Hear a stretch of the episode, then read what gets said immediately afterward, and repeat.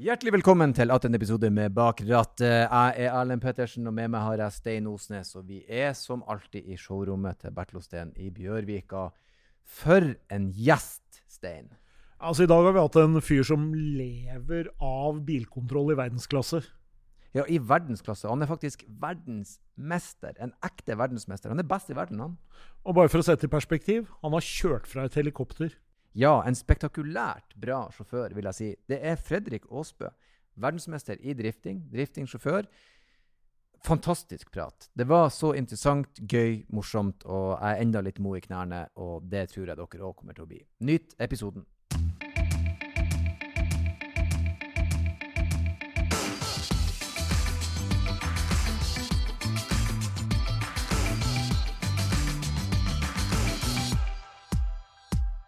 Yes, storfint besøk i studio, Stein. Eh, en verdensmester på besøk. Det er ikke alltid man kan si det er en verdensmester på besøk, men det har vi. Hjertelig velkommen, Fredrik Aasbø, til oss. Tusen takk. Altså, Verdensmester høres veldig stort ut. Jeg pleier å si at jeg er en smågutt fra Ski, jeg da. Eller fra Sigrud. Mm. Det klinger litt bedre, i hvert fall. Jeg hadde sagt uh, verdensmester Erlend Osnes, uh, hent en kaffe.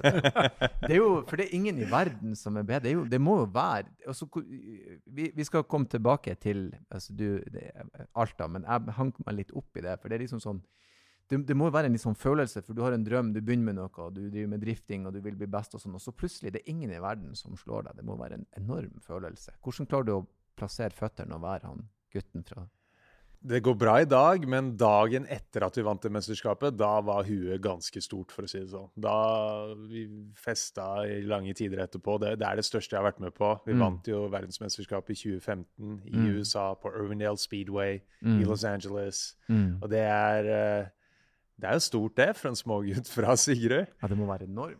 Ja, nei, så det, er- men det er, det er jo en lang reise da, å komme dit. Og, og, og det handler jo egentlig mye mer om eh, veien dit enn det å oppnå det til syvende og sist.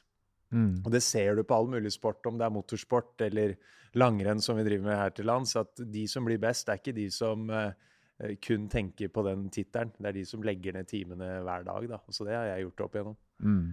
Ja, for det er, vel, det er vel drevet av lidenskapen for sporten fremfor målet om å bli verdensmester. Ja, og litt dårlig oppdragelse og litt forskjellige ting. Det er, jeg husker første gang jeg gikk inn døra til Toyota Norge med lua i hånda og spurte om spons, så sa eh, administrerende i Toyota den gangen han sa drifting, er det sånn avvikende seksuell aktivitet?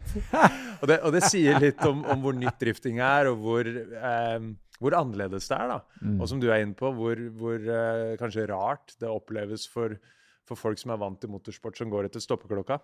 Mm. Ja, for her er det andre parametere. Men vi kan, vi kan komme litt tilbake til det. Du, drifting er din idrett. Hvordan, hvordan starta det hele, bilinteressen og akkurat det der med kjøringa? Så jeg vokste opp på Sigrud, som er eh, ja, 20-30 minutter øst for Oslo. Eh, veldig sånn beskytta barndom, midt i skauen. Em, og faren min drev med, med rallycross og rally på grasrotnivå. Mm. Han hadde aldri noe særlig med penger, han hadde en familie å forsørge. og da jeg var liten, så det eneste jeg egentlig likte å gjøre, var å sitte, sitte på rumpa og leke med Lego. Så foreldrene mine prøvde å putte meg inn i fotball, og de sendte meg på fotballeir i en uke. Og så henta de meg en uke etterpå og sa Nei, Fredrik, jeg vet ikke om dette er noe for deg, egentlig. så da, da begynte vi å kjøre gokart. Mm. Og da var jeg ja, 10-11-12 år, tenker jeg var da. Og det var jeg helt elendig på. Eh, jeg husker jeg kom inn i depot etter første runden og grein og fikk ikke dette til. Og, men fattern pusha meg, og etter hvert gikk det bedre og bedre. Til slutt så blei jeg OK. Ikke best, men OK. Jeg var alltid litt for høy, uh, som gjør at du får litt feil feste i gokarten. Mm. Uh, men jeg ble dyktig på regn. Men av en eller annen grunn så hadde jeg, jeg hadde en fascinasjon for de gutta og jentene som ikke var raskest, men de som hadde mest kontroll over karten. Mm. Og jeg tror det var litt der eh, den, altså interessen for drifting egentlig begynte, da. Mm. Ja, jeg husker eh, jeg sto på, på Rudskogen da et av de første gatebiltreffene var. Dette her var jo på slutten av 90-tallet en gang, eller starten av 2000. Mm. Og da husker jeg det var gokarttrening, men jeg ble stående oppe på vollen og se på en sånn Volvo 142 som sladda rundt hele banen. Jeg husker spikeren kalte den for El Desperado. Ja. Og da, da var det liksom eh, Da var gnisten tent. Det var øyeblikket. Det var øyeblikket, ja. Det der er det jeg har lyst til å ja. holde på med. ja. Og jeg husker fatter'n, han, han lurte på hva i alle da var poenget med det her. Spinne opp alle hjula og liksom sidelengs. Og Ja. han skjønte at det var gøy, men han, han Verken mamma eller pappa trodde vel at det liksom kunne gå bli til noe, da. Mm. Mm. Men gatebil var jo på en måte en arena som åpna opp for alternativ måte å drive med bil og, og bilsport eh, i et veldig sånn utvida begrep. da. Så det ga jo plass til, og ikke minst sånne som deg, som også likte å skru og tune og fikse, liksom. Absolutt. Og det er, det er jo dette her med at motorsporten ligger veldig dypt i den norske folkesjela. Det er liksom aldri blitt helt stureint. Det er kanskje mer i ferd med å bli det nå med Dennis Hauger og FN-interessen. og Mm. Vi har jo hatt noen sånne piker ikke sant, med Martin Skanke og Petter Solberg i 2003. Mm. Eh, men det har liksom aldri blitt helt stuereint. Og så kommer Gatebil inn da, og lager noen av de største festivalene på norsk jord. Med 45 000 mennesker og en haug med eh, idioter som meg, eh, sagt litt flåsete, som, som koser seg og leker seg med bil. Og det er det, det sier, altså, jeg pleier å si at det er veldig veldig mange nordmenn som har en prosjektbil eller en leikebil i garasjen. Og den prosentandelen er, tror jeg det er få andre land som, som har. Vi er et rikt land med disposable income, ikke sant? Og det Mm. var billig og lett å importere japanske sportsbiler. Det miljøet er så Mm. svært, men det er bare aldri Det snakkes ikke så mye om da i mediene. Jeg, jeg husker jo, altså, om jeg ikke er så veldig kjent med driftingdelen av det, så husker jeg når rånekulturen ble litt mer stuerein. Det kom faktisk litt med de Fast and the Furious-filmene. Mm. For uh, vi råna jo opp i Nord-Norge, men det var sett på som harry. Men så plutselig var det litt innafor Mm. med neonlys og spoilere og byggstereoanlegg og sånn. Og så plutselig så har det her balla på seg. Og nå i dag opplever jeg jo at eh, sånn så guttene mine er jo veldig opptatt av det der. Og ikke minst, de, de kommer og viser meg bilder. 'Pappa, se en Supra!' Jeg bare sånn 'Jeg vet!' det vil jeg òg ha. Sånn. Så det, og det er gøy å se at disse bilene lever videre, og kulturen lever. Ja. Og så rekrutterte du kanskje folk fra litt andre miljøer òg, fordi at eh, det var mye IT-folk. Det var liksom, det var, var folk som hadde en sånn teknologitilnærming til motorsport, da, som du kanskje ikke hadde hvis du drev med bilcross, liksom. Ja, Mm. ja absolutt. Og den, ja. Og den derre den, den derre renessansen, eller, eller hva, skal, hva skal man kalle det, den uh, revolusjonen, egentlig, da. Da alle disse her eh, japanske bilene kom inn i, i landet. med med Jan Erik Larsen som sa at du fjerner en pling og en plong, og du fikk 500 hester i en Skyline og en Supra. Det er jo Ja, det er ikke helt sant, men det er litt sant òg. Jeg husker så godt når han sa det. og Pling og en plong, og så har du Ja. Jo da, men, eh, jeg synes, men vi, jeg må prøve å ta det tilbake igjen. Du, du så på Volvoen som, Mm. som uh, sledda rundt, og så tenkte du det er min kopp te, det der er det jeg vil gjøre. Hvor du på en måte tok det derifra? Hvordan var veien videre for å satse på, på drifting som sport og idrett? Ja, så På den tida så var jeg vel sånn 15-16-17 år. Jeg eh, kjørte gokart aktivt, men var litt på vei ut. Begynte å studere her i Oslo. Gikk på høyskolen her i Oslo etter hvert. Og så kom jeg over en video på nettet av en eh, japansk legende som heter Katsuhiro Ueo. Dette her var før YouTube, så vi lasta ned videoklipp på var det LimeWire og Napster og sånn. Ja, ja. Og da Han drifta opp en Togay, som er en eh, Det betyr fjellvei på japansk, i en uh, Toyota Corolla I86 Sprinter Trueno, så, såkalt Hachiroku. Uh, som, er, som i dag er en legendarisk driftingbil. En 1,6 liter, 180-90 hester kanskje, i trimma versjon. Og, og den videoen, det var, det var bare Det var en sånn Jeg blei religiøs, liksom, der og da. Og da husker jeg det gikk ti år, og så kjørte jeg mot Katsuhiro Ueo i Long Beach i California. Oi. Ja, men, følte at du hadde runda verden da, liksom. ja, for, men det, da du må tenke at det er en Matrix, det her. Dette har jeg laga i hodet mitt, for det her er for sjukt, liksom. Altså, Det det, er ti var, år, og så bare bink.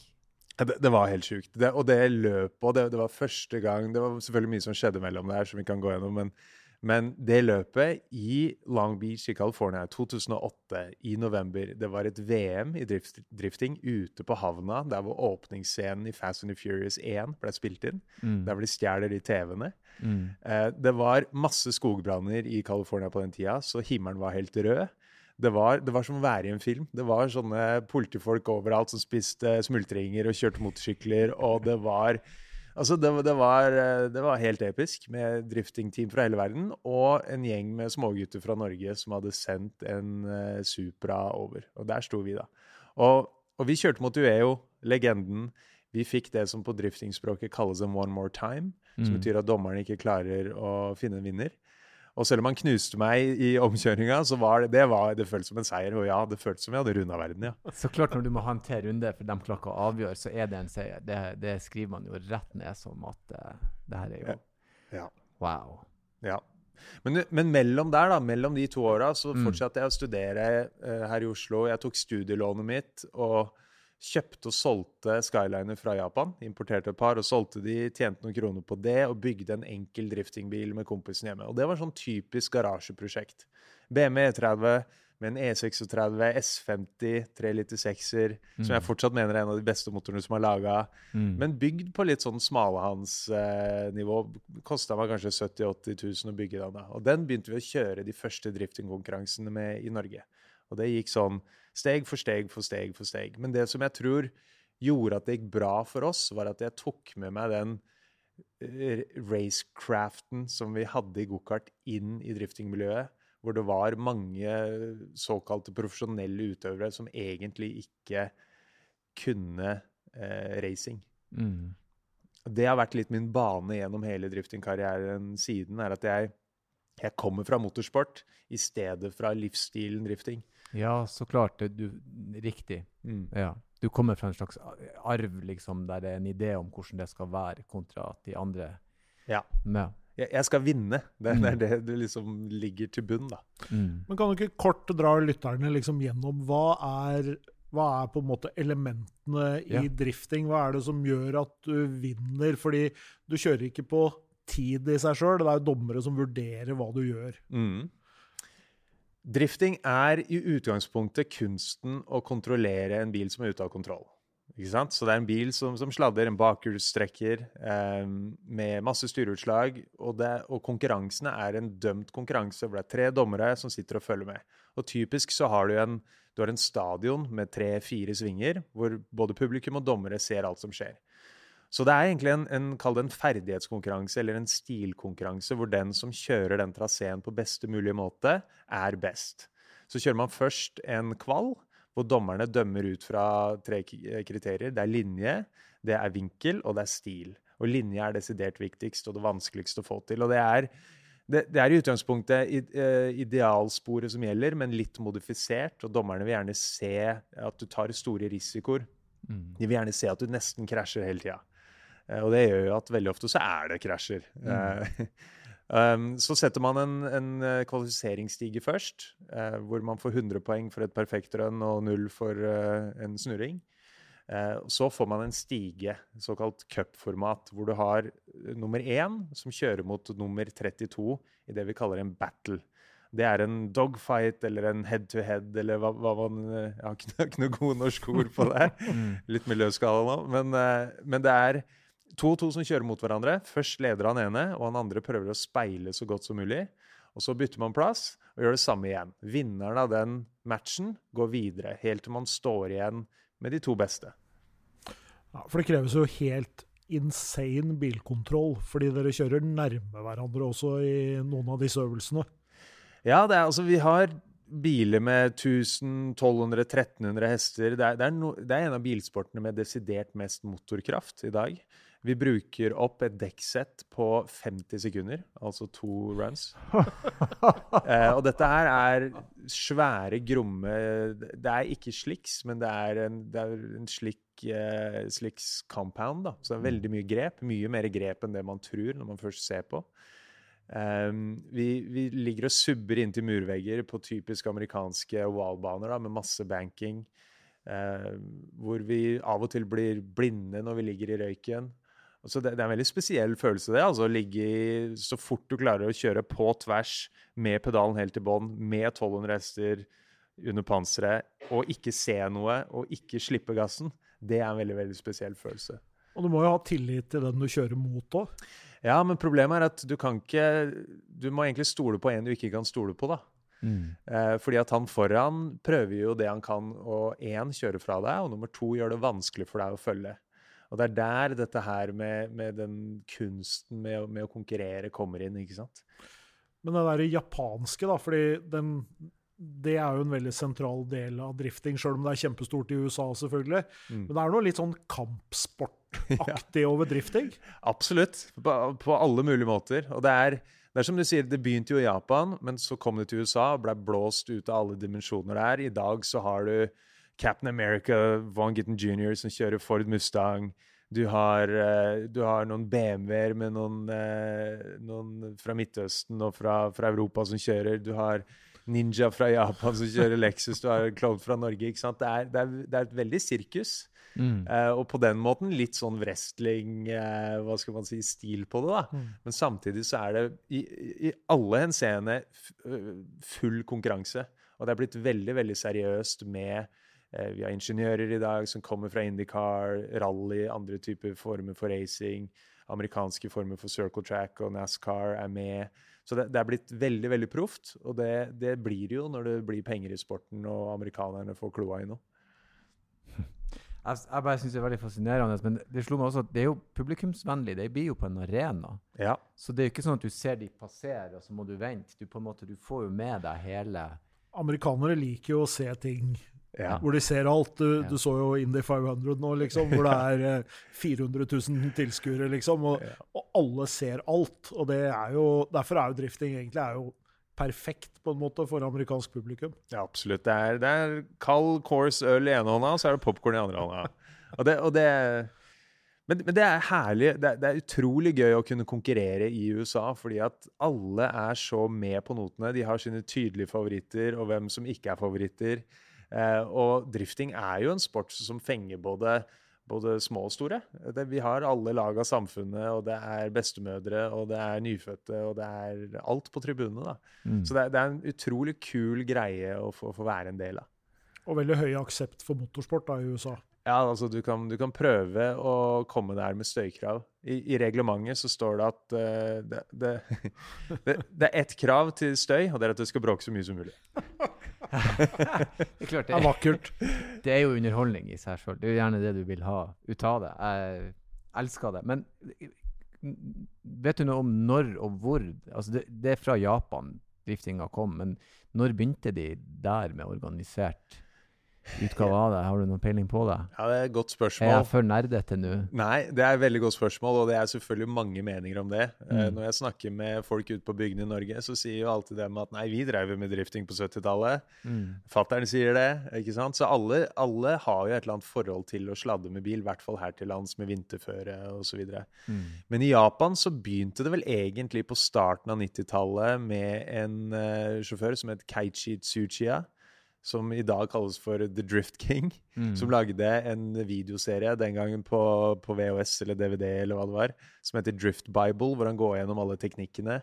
Så det begynte liksom der. Og han, var en, han kjørte i JGTC eller en av disse seriene i Japan og begynte liksom å showe litt for publikum. da. Og Det var litt sånn det begynte. Og så ble det en ulovlig undergrunnsgreie hvor de kjørte disse her togay, de japanske fjellveiene på nattestid. Og, og så ble det en sport ut av det, da. Mm.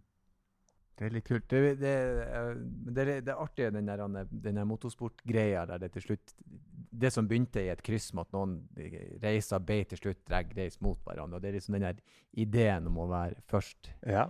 Så det er litt kult. Det som jo er veldig fascinerende, og som i hvert fall var det som liksom fascinerte meg først når jeg så drift, eller overraska meg mest, det er jo hvor fort det går.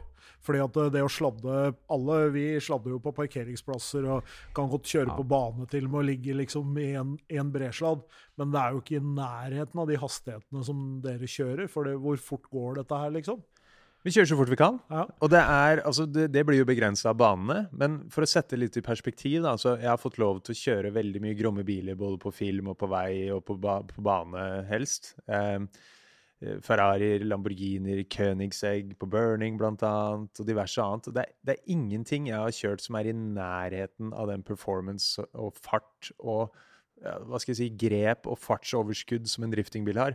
Spesielt fra du får eller klarer å få noe feste. Altså, la oss si fra 120 til 250. da.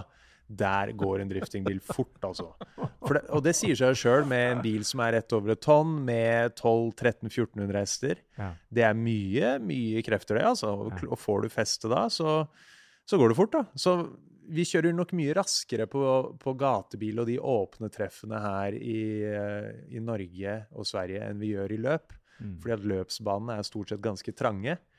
Eh, men hvis du, du, hvis du, tenker deg at du kommer fra Gardermoen, da, kjører nedover E6 Dette er jo selvfølgelig bare et hypotetisk tilfelle. Ikke gjør dette hjemme. Men du kjører nedover, kjører du i fartsgrensa 100 eller 110, så dobler du det. 220, da. Så kjører du 250, da.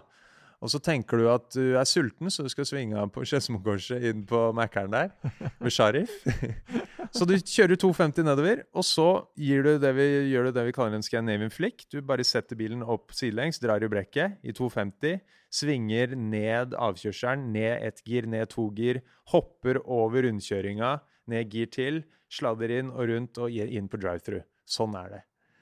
Det høres helt sinnssykt ut. Jeg håper noen lager denne filmen. For guds skyld. Burning 4. La Burning 4. Ja, Sperre av veien og få det her eh, gjort. Ja, det høres helt ellevilt ut, spesielt i de hastighetene der. For en, for en helt vanlig bilist. Mm. Så jeg har jo selvfølgelig fått sleng av både fremprovosert med vilje, for det er gøy, og noen ganger har det jo skjedd utenom. Og det har alltid blitt oppfatta som stressende. Jeg har kanskje hatt 60 ja. på, på, mest. Så 250, da tror jeg jeg har tenkt at jeg slipper rattet, nå er det over. Helt ubeskrivelig hvor fort det går, altså. Ja, det, altså, men 250 er jo ikke så fort i, i racing-sammenheng.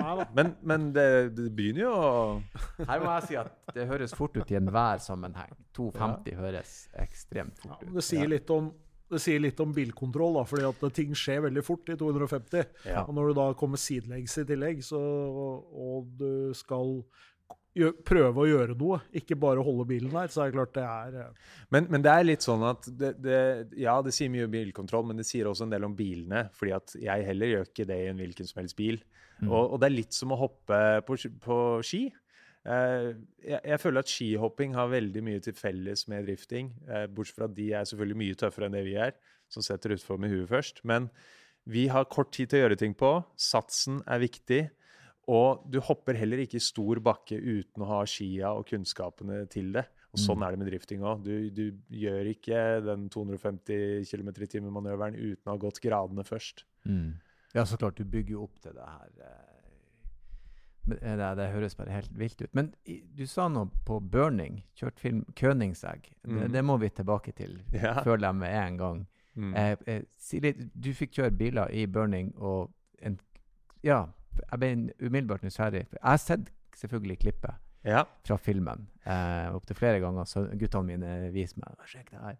Ja. Men eh, hvordan kom det eh, frem? De bare sa vi trenger en som eh, har gått gradene, gjør det trygt og fint og kan Ja, det der er Du blir ikke kriminell over natta, som du sier. Du, da Burning 1 kom på trappene med Halvard Brein, eh, så så skulle det lages film. Og det er første gang et sånt prosjekt har blitt gjort i Norge, i hvert fall siden Olsenbanden og Flåklypa. Mm. Um, og det jeg husker ikke hva budsjettet var, kanskje 50 millioner. Som er penger, absolutt, men en brøkdel av det det koster å lage en sånn film i Hollywood.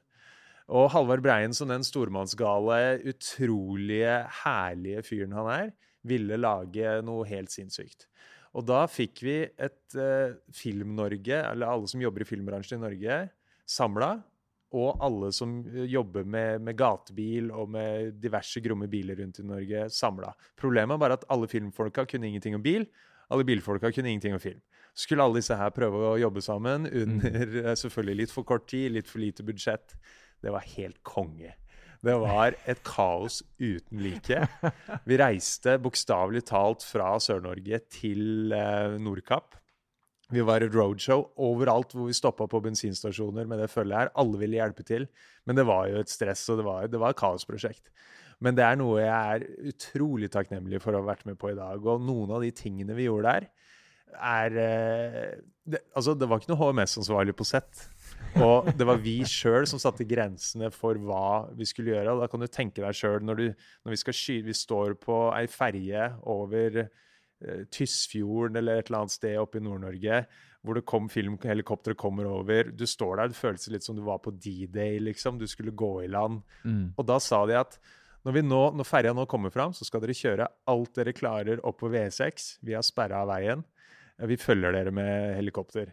Da sitter jeg der i løpsbilen min, som var med i filmen. ikke sant? Min løpsbil, som jeg kjenner som en egen bukselomme. Ved siden av meg står det en kompressormata eh, BMW M3 med Fredrik Sørli, som er min mentor og kanskje beste sjåføren jeg kjenner. Mm. Det står Lillegul står der, eh, et par andre Mustanger, Namcars. Hva tror dere skjer da, når den porten går opp og går i land her? Da kjør, vi kjørte så fort opp E6 at helikopteret Vi kjørte fra helikopteret. Ingenting ble fanga på film, for vi kjørte fra kamera. Ja, men du fikk jo beskjed. Kjør så fort.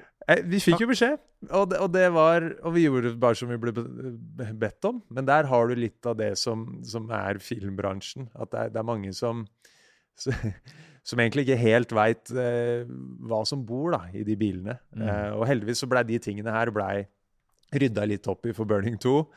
Eh, da vi kjørte på snø med Königsegg. Mm. Eh, og Burning 3 var enda mer kontrollerte forhold. da. Eh, men, men Burning 2 så fikk jeg jo oppdrag med å kjøre Bård Akers sin Königsegg C6R, og det var et kjempe eh, Altså stort ansvar, egentlig. Eh, Ja. Og jeg klarte å få ødelagt den litt på grusveier og opp rundt omkring i Norges land og strand, men det blei noen helt unike scener hvor vi hoppa rundt på isen med den, som egentlig er et museumsgjenstand, altså. Ja. ja, det er jo en, et spesielt kjøretøy. Ja. Det er så du sier Bård er jo også en raus fyr, så det Ja, hjelper jo. absolutt. Ja. ja, og det var vel egentlig Olav Medhus som eide den, den bilen, ja. Men det var uh, Uff, ja. Nei, det er, det er eh, det, det, det er blitt noen sprø minner fra dette her. Det er jo utrolig eh, Du nevner Königsegg, her, men er det andre biler som du har eh, fått kjøre der du har tenkt sånn Wow, det her eh, hadde jeg ikke min villeste guttedrøm kunne sett for meg. Det er noen som har skilt seg ut. Sånn, når det gjelder bilene, så er jeg Jeg veit ikke. Det, det, jeg høres ikke veldig blasert ut. Men, men det, det skal veldig mye til at jeg syns en bil er eh, grom eller kul. Altså en veibil, Mm. samme hva det er. Mm. Eh, jeg syns det er mye kulere å kjøre isbilen min, som er en gammel rundbulka Supra med sugemotor og 200 hester, men som har de grommeste dekka du kan få tak i. Mm. Og det, det, det er vel litt sånn du er når du driver med motorsport. Så blir du, du blir utrolig opptatt av ikke hva du har, men hvordan det du har, matcher opp mot de andre du kjører mot. Mm. Mm. Og, det, og det å kjøre på veien i dag, altså kjøre en sportsbil på veien, er, det er litt meningsløst, da. For du, du får aldri brukt det ordentlig. Eh, og gjør du det, så setter du både alt på spill, da. Mm. Så, så derfor så det skal veldig mye til for at jeg liksom har noe forhold til veibiler, egentlig. Jo, men plassert til Jeg elsker det svaret. Fordi at det, det, for det sier litt om de som vet hva ting er, hvordan de forholder seg til det. Andre Ja. er sånn wow, så sånn, men det er jo helt meningsløst. Når skal jeg noen gang bruke det? det, er det akkurat som sånn, at jeg, jeg, jeg, jeg, jeg sykla i fjellet, og jeg kjøpte meg en sånn fulldemper. Jeg kjøpte selvfølgelig en full karbon sånn EX-Fuel 9.8 med bremser, gir, alt mulig. Og så er jeg jo en 45 år gammel Joss-peis, så jeg er jo ikke i nærheten av å utnytte engang 10% av potensialet i den sykkelen. Jeg er jo knapt av stien. sant? Egentlig skal jo folk utfor fjelltopper med den, men jeg måtte ha den. Ja, Så en fyr som driver med det er sånn Ja, jeg skjønner, kult, men det er ikke engang snakk om.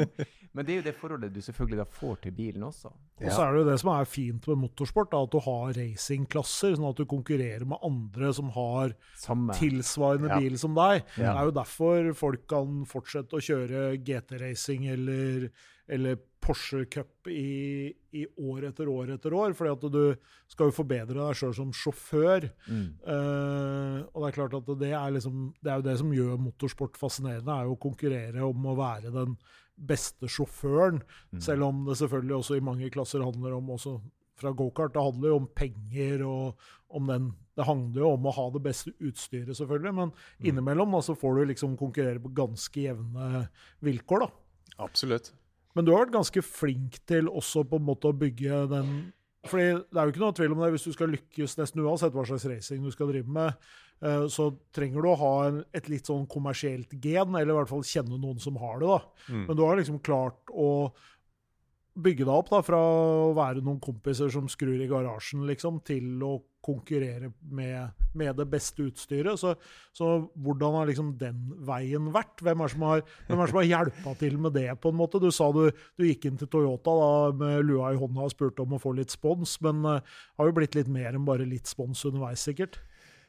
Ja um jeg, jeg, tror jeg sikkert har noe stormannsgalskap under huden et eller annet sted. Altså, det handler litt om at jeg, jeg, jeg er, er, utrolig jeg, er mye mer en kunstner enn jeg er en regnskapsfører. Og jeg er mm. veldig glad i det kreative, å se hva vi kan få til, lage noe, skape ting. Glad i å prøve ting som jeg egentlig ikke kan, men som jeg tror jeg kan få til. Jeg er litt sånn skrudd sammen. da. Jeg er super distré og super rotete og alt, alt sånn, men, men men jeg, jeg, tror jeg er en OK strateg.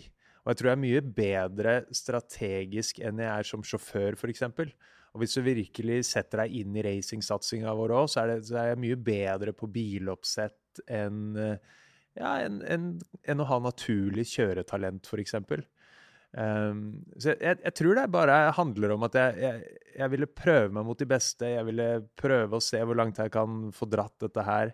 Uh, selvfølgelig prøvd å være litt smart underveis da vi begynte å kjøre drifting. Så, så utnytta jeg det at bilen min ikke så ut i det hele tatt. Jeg prøvde liksom å få litt goodwill. ikke sant? Og drifting, som er en litt sånn black art, hvor det er vanskelig å sette fingeren på hva som faktisk vinner, så må du på en måte prøve å utnytte alle disse fordelene til din egen, for, til din egen fordel. da. Mm. Så, så ja, jeg, jeg husker bare at jeg satt hjemme på promperommet på Sigrud og så på Baywatch og tenkte shit, det er noe med lyset der borte i California. Jeg har lyst til å reise dit og se hvordan det er. da. Så, så jeg tror alle de tinga der sammen gjorde at jeg ville prøve meg litt utafor boksen. Og jeg ser på bestekompisen min hjemmefra. Han er motsatt av meg. Han er, jobber åtte til fire, superstødig kar, god på alle de tinga jeg er dårlig på. Men av en eller annen grunn så blei jeg bare en sånn uh, onkel i Amerika som reiser verden rundt. Det er jo ikke noe det er ikke, det er ikke, en dårlig måte å leve livet på, vil jeg si. Hvis du får lov å leve av lidenskapen, det gøyeste man vet, så er det jo, eh, ja, det er jo helt enormt. Ja, absolutt. Og det, og, og det, tenker jeg ofte på når jeg har reist rundt og kjørt løp i, i Asia. Jeg har kjørt en del i Kina og vært i Thailand og Malaysia. og det er vi er heldige som bor i Norge, altså. Mm. Og, og, jeg kjenner jeg blir mer og mer allergisk mot, uh, mot, folk som klager over hvordan vi har det her. Ja. Uh, for det er mange som uh, hadde ja, holdt på å si drept for å få de mulighetene vi har her. Så det er det, det gjør også at det, det, hjelper meg sånn motivasjonsmessig når ting går trått. For det går jo trått for meg òg. Jeg har mm. også definitivt dårlige perioder, og når ting går dårlig på banen, så det svir, det. Mm. Og det er jo, jeg er jo jeg lever jo av å prøve å gjøre det bra på banen. Mm. Men da prøver jeg å tenke på hvor heldige vi faktisk er her i Norge som kan drive med det vi vil. Mm. Du kjører jo da fortsatt mot noen av de legendene. da. Hvor lenge kan man uh, være på topp i drifting? Ja, det, det, spørsmålet der hører jeg, det får jeg oftere og oftere. det var ikke meninga. Okay. Nå, nå, er jeg 36 nå, og de beste i uh, Formula Drift har i hvert fall kjørt til de har vært sånn 40, 41, 42. Og det som er min teori på det, er at uh, når reaksjonsevne og fysikk og sånne ting begynner å hente deg igjen, så kan, så kan erfaringa ta over til en viss grad. Um, og det vi driver med, er jo egentlig ikke veldig fysisk krevende, men det er reaksjonsmessig så, så må det være på topp, og mentalt er det utrolig Det, det er nok mye mer mentalsport enn en fysisk eh, sport. Så det er opparbeida rutine og ro og mentaliteten er det som Ja. For å ta det litt tilbake til det her med skihopping. Eh, Fredrik Bjerkengen, som er en norsk dyktig skihopper, han har jeg brukt litt til å hjelpe meg med det mentale. Og jeg har lest mm. mye sportspsykologi, og for meg så var det det som, som tok meg fra å være en, en, amatør og en nybegynner som gjorde masse feil, til å bli en proff utøver. Det var å virkelig få, få satt meg inn i hva, hvordan jeg skal få huet mitt til å yte best. Mm. Og det er jo sånn som eh, Olympiatoppen i Norge bruker mye. Det, det, er, det går igjen i all sport, ikke sant? Jeg, jeg, jeg vil si all sånn prestasjons og også underhandling. Når du har skillsen, så handler det om å sette hodet i en mindset der du presterer best mulig. Det å gjenskape en mindset er jævlig vanskelig. For det er sånn 'Jeg gjorde det bra da. Hva gjorde jeg?' Jeg vet ikke. Hvordan Mm. gjør jeg det igjen? Jeg vet ikke. Så det er veldig sånn her Anne, Der må man jo jobbe enormt mye. Der er du vel blitt bedre til at du kan du zoomer inn og vet at 'jeg vet hva jeg skal gjøre for å havne der'. For jeg kan alt. Det handler bare om å, Absolutt. å få det ut. Jeg er jo fortsatt feil på det, men, Mm. men jeg er blitt veldig erfaren på akkurat det punktet der. Å Mm. klare å holde roen virkelig når det brenner. Og hvis du ser historisk på vår eh, Når jeg sier vår, så mener jeg teamet mitt og jeg, vår satsing i USA, så har vi stort sett vært veldig jevne og dyktige når det virkelig brenner. da. Og det ser vi i dag òg i Formel Drift, at veldig mange som har eh, bedre runs enn oss, til og med bedre redskap, eh, gjør det bedre av og til, de faller litt gjennom på å ikke være jevne nok, da. Eh, og så kan du si at kanskje vi ikke er like spektakulære og ikke tar like mye sjanser. Kanskje vi er litt, litt kjedeligere på et vis, men til syvende og sist er det der med å det, det å kunne ta i 95% i stedet for 101 det er stort sett det som vinner et mesterskap. Mm. Den jevne jobben. Jeg, bare synes det er veldig fascinerende å høre. Det er gøy når folk på en måte satser på noe som blir utafor boksen. Der er ikke trødd opp en sti for hvordan blir man eh, ja, Driver man med drifting og sånn? Nei, men da prøver vi på det. Jeg tror vi får det til. Og så plutselig lykkes man. Så det er veldig, jeg syns det er veldig kult at du er her. Nei, men takk for det. Det må jeg si. Vi skal ikke, du får ikke gå ennå, altså. Det var ikke en avslutning. uh, vi skal prøve å ta det litt sånn tilbake igjen. Jeg, regner bare med du tok lappen på dagen, eh, og at det gikk bra. Du kunne vel mer eller mindre kjøre bil, i hvert fall teknisk, i, det øyeblikket du Ja, jeg, du, jeg var faktisk Jeg, jeg var, lurer på om jeg var en måned for sein, jeg. Ah. Så jeg, jeg tok ikke lappen sånn med en gang, men uh, ganske fort, ja. Mm. Jeg hadde en gammel Volvo 360 som var Bengamart blå, som jeg kjørte rundt og solgte støvsuger i. Var det din første bil? Det var min 360? første bil. Det, eh, jeg, jeg brukte å låne farfaren min sin røde 360. Ja, Eh, det var den rare, lille eh, Volvoen der. Ja, ja. Så du solgte støvsugere? ja, du kjørte rundt i konferansen og solgte støvsugere. Jo, men det er jævlig viktig å ha gjort noe som var såpass kjipt at man tenker det vil jeg aldri gjøre igjen. Ja, Det Denne driftinga må virke. For jeg har ikke lyst til å selge støvsugere. det var egentlig ganske trivelig, fordi at de som Det var et bookingkontor som booka avtalene, og så Mm. jeg opp og solgte. Og det var jo enten folk som ikke helt skjønte hva de hadde sagt ja til, Mm. eller så var det enslige Eller det var sånne tanter på sånn 50 år, kanskje. Mm. Litt sånn enslig. Mm. som ville ha noen å snakke med. Jeg husker jeg var hos ei en gang, var inne, og det var kjempetrivelig. Da kom plutselig mannen inn, fly forbanna lurt på hva hun hadde dratt inn. Så han jaga meg. Så det var Det var ikke bare var ikke bare bare. Men den bilen trente jeg drifting med sånn på nedlagte industriområder og sånn på kvelden. Jeg måtte til og med sende sånn beklagelses-e-post til Berit Kjøll, som administrerer den på Tusenfryd, vi lagde en driftingbane på parkeringsplassen på nattestid. Jeg vet jo Volvo var jo sånn ynda blant rånerne. og Veldig mange har jo sagt at Volvo lag, slutta å lage ordentlige biler når de begynte med forhjulstrekk, for det skulle være bakhjulstrekk. For det var det jo, liksom. Det var det som Amen. gjaldt. Helt enig. Ja, ja det er treffer på likesinna. Men den, altså det var din, rett og slett din første bil. En, en, en ru- rulla bengalakk, blåfarga Volvo. Ja, den varte tre måneder.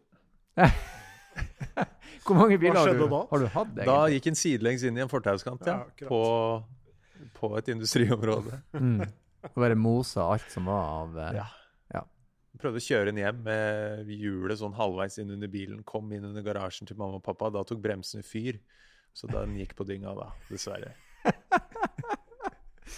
Men hvordan, hvor mange biler blir sånn, Er det der en trend at du har alltid brukt bilene dine som du også har brukt til ting og tang til å, å øve litt i og knekke de? Nei, Det som skjedde da, da jeg var 18-19 år der og hadde den Volvoen, så det Og dette er egentlig en sånn ting jeg egentlig ikke er så veldig stolt av, for det da, som sagt, jeg jeg prøvde alltid å holde meg unna veien, men jeg Mm. prøvde å trene. Jeg prøvde faktisk å trene på driftingteknikker på nattestid på nedlagte bortgjemte steder. Mm. Men det gikk over stokk og stein, og det gikk så langt at mamma kom hjem en dag på gråten.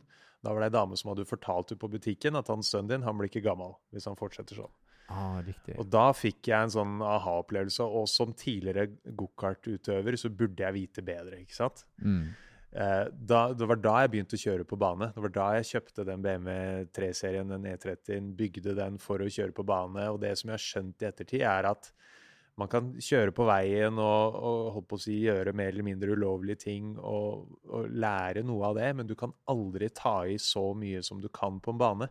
Fordi du har alltid bakhuet hva hvis noen kommer ditt og datt. Så hvis du virkelig vil bli god, så må du på en bane.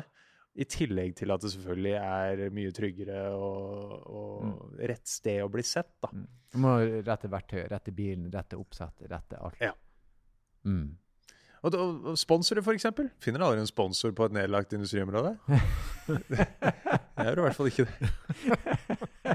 Nei, det, det er også et, eh, et veldig godt poeng.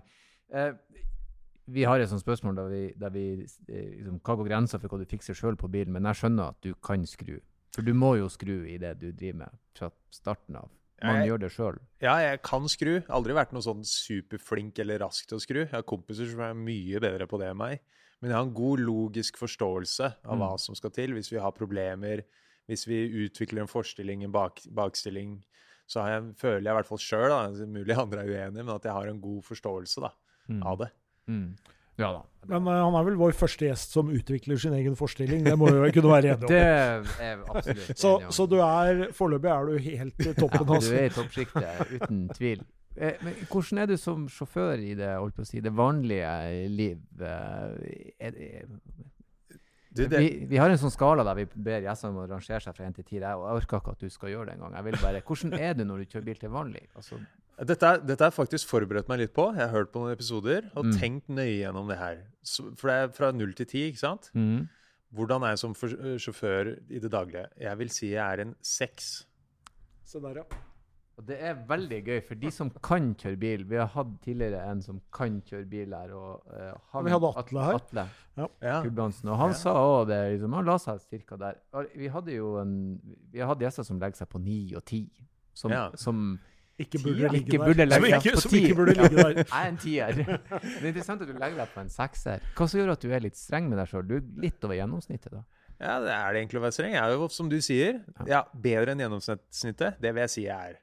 Men jeg er samtidig eh, masse igjen å lære. Nummer to, så er jeg på veien er jeg nok litt, kanskje litt ikke alltid like så fokusert som jeg kanskje burde vært, fordi at det er bare transport, ikke sant? Mm. Eh, og så er jeg kanskje også litt sånn Jeg prøver selvfølgelig å følge alle regler og sånn, men det kan vel hende at det går et litt rettere spor gjennom en rundkjøring, eller Hjemme hos oss, for eksempel, så har de Idealspor. ja, de, de, Jeg liker veldig godt når de lager innsida av rundkjøringen sånn at det egentlig er litt som en vond curb. Mm. For da går det an å liksom holde flyten, da. Så, så jeg er jo litt sånn tilhenger av sånn som man kjører bil i Vietnam eller Thailand, hvor alt bare flyter, og det er ingen som stopper. Det er jo egentlig det mest effektive. Men, men det er jeg ikke sikker på at alle andre bilister eh, er enig i at sånn skal det være, da.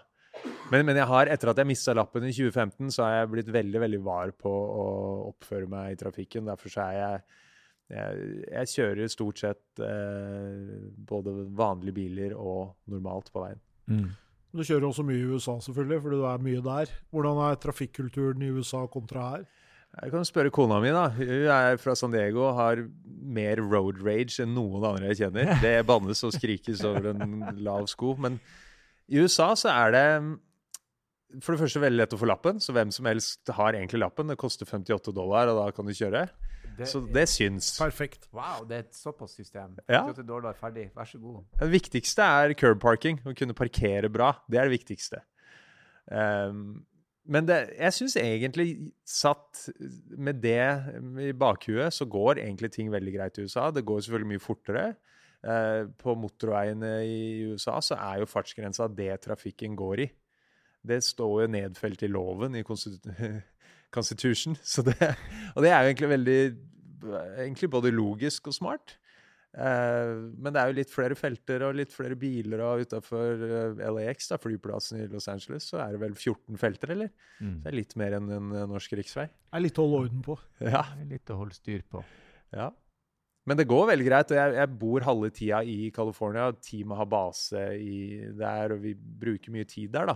Og det beste med USA syns jeg er å kjøre ut i, kjøre i ørken. Kjøre offroad. Jeg har en gammel Toyota FJ Cruiser som vi bruker å kjøre oss fast med. og, og g- drive med sånn rock crawling med. og Den friheten der borte er helt uslåelig. Mm. Og det er en litt annen, annen ja, enn vi har her hjemme. Jeg, Ja. jeg, for jeg, opplevde, jeg bil i USA sjøl, og jeg syns det var enklere å kjøre i en ukjent by der enn her, f.eks. Ja. Jeg prøvde å kjøre bil i Oslo, det vi snakket om før her på podkasten mange ganger, og jeg syns det er forferdelig. Men uh, vi, vi var i Miami, og det gikk helt fint. Det var så logisk. Rette, fine veier. Mm. Og det er liksom eh, hva det er, Street og Avenue. Det er bygd opp veldig logisk. Og du, ok, jeg skal bort fire kvartal, da kjører jeg rundt og dit. Det er ikke så logisk eh, her i Altså, i Oslo da, er jo en by som vi har arva etter eh, vikingene, og hvordan de planla byen. Jeg er ikke sikker på om de visste helt hva som skulle komme tusen år seinere. Og i tillegg så har vi et styre her hvor bil egentlig er ulovlig. Da, da blir det ikke tilrettelagt. Og så kan du sammenligne med USA, da, hvor de sa at her skal vi bygge by, så her lager vi 20 blocks den veien og 20 blocks den veien. Ferdig. Og det er klart, når hele folkesjela er bygd opp rundt bilen, så blir det jo lettere, ja. Ja, ja da, det blir, det blir utvilsomt noe annet. Uh, vi skal prøve å gjette hvilken bil du kjører. Uh -oh. uh, og her eh, Var det sånn at du visste det, Stein? Eller Nei, men jeg har jo en følelse av hvilken fabrikant han kjører, i Ja, jeg tror kanskje òg jeg har en følelse av det. Også, så så du kan jo få lov har, å har du en i, i, i Norge, eller har du en i USA? Daglig, daily user. Hvordan, hvordan skal vi velge å gjette på? Ja, godt vi, Jeg har uh, to i USA og tre her. OK, så da må, vi, da må vi velge en av, uh, en av de. Skal Ta vi, en norsk bil, da. vi tar en av de norske. Ja. Uh, en av de norske daily userne. Eh, vi har ja, som sagt, vi har ti spørsmål, fem hver. Eh, og så eh, tror jeg jeg skal, jeg skal begynne med en gang å spørre, bare for å ha det gjort. Er det en, en, en europeer, amerikaner eller en bil fra Asia? Er det lov? Er ikke det fiskinga? Er det Jo, det er lov. vi Ja, vi må prøve å starte stadfeste det, det. det er en eh, kan jeg si, asiatisk bil? Ja, jeg tror jeg Som du sa, Stein, jeg tror Jeg er veldig overraska hvis det ikke er en Toyota. Ja, si Eller i hvert fall fra samme familie. OK, uh, vi, vi kan jo ta det med en gang. Er det en, en, en folkelig bil, eller er det en premium-type bil? Hvor du ville plassert den? Folkelig. Folkelig Toyota. Eller ja, det kommer litt an på, men jeg vil si folkelig, ja. Du vil si folkelig? Ja, ja. Men eh, vi pleier jo også å spørre om det er en uh, høyreist SUV. Det kan jo hende du, du har jo en FJ, altså så, det er jo liksom, så du har jo den delen der. Men uh, om det er en SUV, eller om det er en bil som du sitter lavere i. Jeg vil vel si høyreist. Ja. For nå snakker vi om Norge, ikke sant? Ja. Mm. Høyreist, ja. Er dette en bil med fullstrekk, bakhjulstrekk eller firehjulstrekk? Eh, samtlige av de norske bilene har firehjulstrekk. Høyreist firehjulstrekk firehjulstrekker fra Toyota, Erlend. Mm. Vi har jo vært borti det før. Vi har vært borti det før. Altså, det er jo egentlig du, er, Det er vel en Landcruiser eller en SUV eller en RAV 4 vi snakker om her. Du får prøve deg. Vi kan eh, ja, vi- kan kan egentlig bare spørre. Er det en RAV 4 du har? Ja, vi har en RAV 4. Ja. Det er Dagens andre, da. Dagens andre RAV 4. Ja. Eh, hybriden, eller eh, den, Eh, ikke Jo, vi har hybrid, men ikke plug-in. ja, ja, ja. det er den eh, ikke-ladbare hybriden. Stemmer. Som har, eh, Men hva slags biler kjører du i USA? Så i USA så har jeg en eh, GR86, som er den Den nye, lille, helt lette. nye. Ja, og den kom i forgårs. mm. Eh, og den gode gamle Fjord-cruiseren fra 2008. Så Ja. de to har jeg der. Ja. Og der borte så trenger jeg egentlig ikke drive med noe, ikke sant. Der, så der kan jeg ha litt leiketøy, da. Mm. Mens her i Norge er det litt annerledes, for her er vi mer hands on. Og, det er, og den Raven som vi har hjemme, det er, altså, det er jo folkebilen i Norge, og vi er superfornøyd med den, men det er jo egentlig min bedre halvdel som kjører den, da. Så det er vel ikke helt riktig at det er min daglige. Men en sånn GR86, da. Mm. Det er jo en etterfølger av GT86. Ja, Ja. Og det er jo egentlig en sånn litt sånn back to basic eh, sportsbil, ikke sant? absolutt. Ja.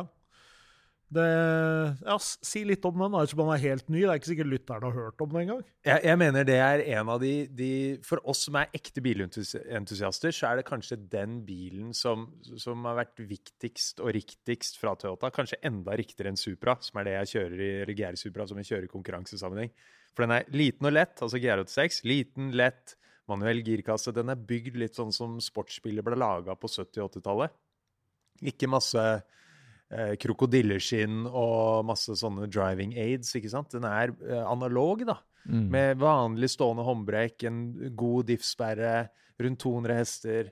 Super, super leken bil, og det er en bil som vi har gjort masse masse reklamestunts med for Toyota. da. Og den er super lettvint å plassere hvor som helst. Den er ja, rett og slett et skikkelig leketøy. da. Og motoren ganske langt bak, egentlig, til å være en, Ja, en tradisjonell bil. absolutt. Og Ja. ganske lav. Det er jo bokser. Ja.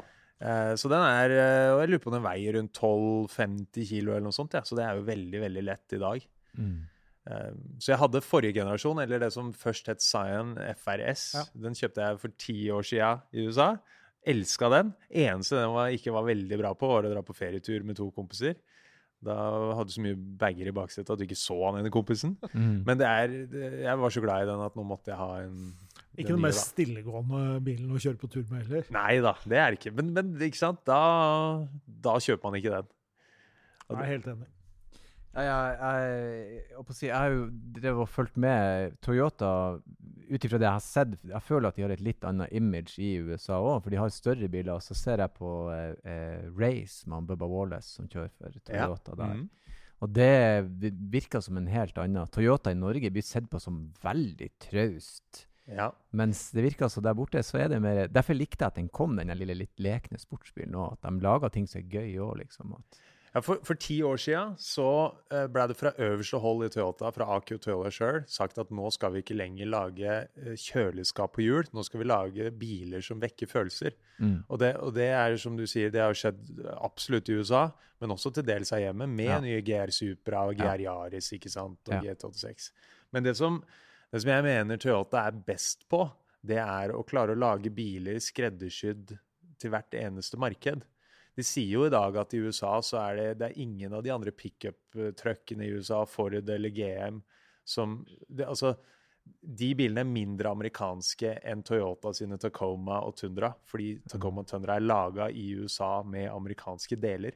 Mm. Og hvis du ser på rundt hele verden, da, i Japan så er Toyota sånne bitte små K-car 600 kubikk, ikke sant? Ja. I USA så er det Tundra iForce 5.7 1664 Texas Edition, ikke sant? Det, er- det er liksom hele spennet, da. Og, og, og hvis, det er, hvis du føler at det er litt trauste biler i Norge, så er det jo fordi nordmenn er litt trauste. Vi er traust. Ja, ja. ja. Og så er det jo et enormt stort selskap. Jeg husker første gang jeg var på bilutstilling i Japan, liksom, så var Ja. det, det var ikke én stand for Toyota. Det var, det var 32, liksom. For de driver med alt mulig rart. Mm. Og det er jo Det sier jo litt om Det er jo sånne store industrikonsern liksom, som driver med, med alt mulig. Har, det er jo ganske vanlig i Japan. Når du ser sånn Mitsubishi som driver med alt fra varmepumper til Mm. biler til Og så er det ikke sikkert at de er det samme selskapet lenger, men de kommer fra samme sted. Mm. Og Toyota har jo egne byer hvor de driver og tester Ja, ja. ting. Så det er jo et, eh, det er et stort selskap. Så det Mm. er spennende. Ja, det er spennende. Og så lager de ganske morsomme biler når de har lyst til det, tydeligvis. Ja, da. Ja, jeg, jeg så til og med nå det kom en sånn der eh, den Aigo, med sånn GT-utgave. Så Ja, ja. det er litt festlig. Ja. For det er en så tullete liten bil, og, men vi må ha litt brede hjul og litt motor og litt kule ting Det, det er en sånn bil jeg kunne finne på å handle. ja. Jeg syns sånt er kult. Sånn som er helt annerledes og udda og snålt og rart og lettvint. Mm. Eh, Apropos det, eh, vi, vi har jo du, eh, som du sa, du har hørt litt på podkasten før. Vi har et sånt drømmescenario eh, der penger ingen option. Eh, Eurojackpoten, du klasker den rett inn. Plutselig har du 952 millioner på din brukskonto. Du kan velge bil. Penger ingen option. Ja, Hva velger du? Du kan velge inntil tre biler. OK. Eh, 1992 BMW E30 M3 Sport Evolution, svart. Mm. Mm. Eh, Mm. Dette har du tenkt på. det liker jeg. Eh, bil nummer to eh, 1975 av de aller siste svarte BMW 2002 Turbo. De lagde noen få svarte på slutten. Den skal fatter'n få. Mm. Jeg kjenner for gåsehud når jeg snakker om det, for det er drømmebilen hans. Mm. Nummer tre Det er litt verre, faktisk. Um, jeg føler det holder, jeg, med de to. Ja. Nei da, du, jeg, jeg er veldig fornøyd. nummer tre, da kunne jeg godt tenkt meg bygd min helt egne eh, leikebil. Mm. Da kunne jeg ja, brukt et par hundre millioner på det, da. Ja, bare utvikla en egen Par bil. hundre millioner. Ja. Ja, for det kunne man ha Det kan bli ganske rå Supra, tror jeg. Bruker 200 mil på min helt egen bil eh, fra bunnen av. Så jeg har tid. Da skulle jeg hatt motoren fra en Lexus LFA. Mm. Eh, Oh yeah. Ja. Ikke sant? Ja. Ja. Jeg har fått lov å kjøre LFA to ganger og spinne piruetter med den. Åh, det er så Det er eh, ja. Du sa du baby. Jeg kjørte den på Goodwood, ja. og, OK. og den lyden bare jeg, jeg kjørte jo ikke fort, liksom, for det var jo Skulle jo levere den fra deg òg. Men eh, bare det liksom å slippe gassen, høre lyden, gi gass ut på strekka, helt sinnssykt. Altså V10-er utvikla sammen med Jeg lurer på om de orgeldesignerne til Yamaha har vært med? Ja, utvikla eksosanlegg og Helt sjukt. Det er grommeste motoren som er laga. Og, det- og det blir vel kanskje grommeste sugemotorproduksjonsbilen som er laga? Ja. Jeg Ja. så det var en sånn Du kjørte en sånn dragrace nå mot en Var det en eh, Huracan eller et eller annet sånt, da. Fortsatt så holdt en Elefant ganske godt følge, ass. Ja, det er, ja. Meget imponerende bil. De- Den motoren, eh, chassis Kul. Litt usikker. Jeg kunne godt tenkt meg å bygd en remake av den første driftingbilen min. Sånn rundbulka BMW E30, Mm. men med alt supergromt og kjørt fra absolutt alle på gatebil. Det hadde vært gøy. Ja, den, den motoren også. Sånn Elephant-motor. Ja. Og så, og så skal jeg ha samme klistremerkene som jeg hadde i 2007. Det vil si ingen klistremerker, bortsett fra et hvitt merke på døra hvor det står 'Sponsorer søkes'. Nydelig. Nydelig. Eh, herregud, for et fett eh, besøk det var. Tusen hjertelig takk, mann. Jeg har uh, gromkosa meg. Takk i like måte. Uh, og jeg er ikke redd for å si at det er beste gjesten vi har hatt. Uh, Wow. det jeg prøver å si at Vi har kosa oss enormt, mann. Det var veldig veldig kult at du stakk innom. Uh, så eh, tusen hjertelig takk for besøket. Og så avslutter jeg alltid med å si kjør forsiktig. Takk for det. Det skal jeg.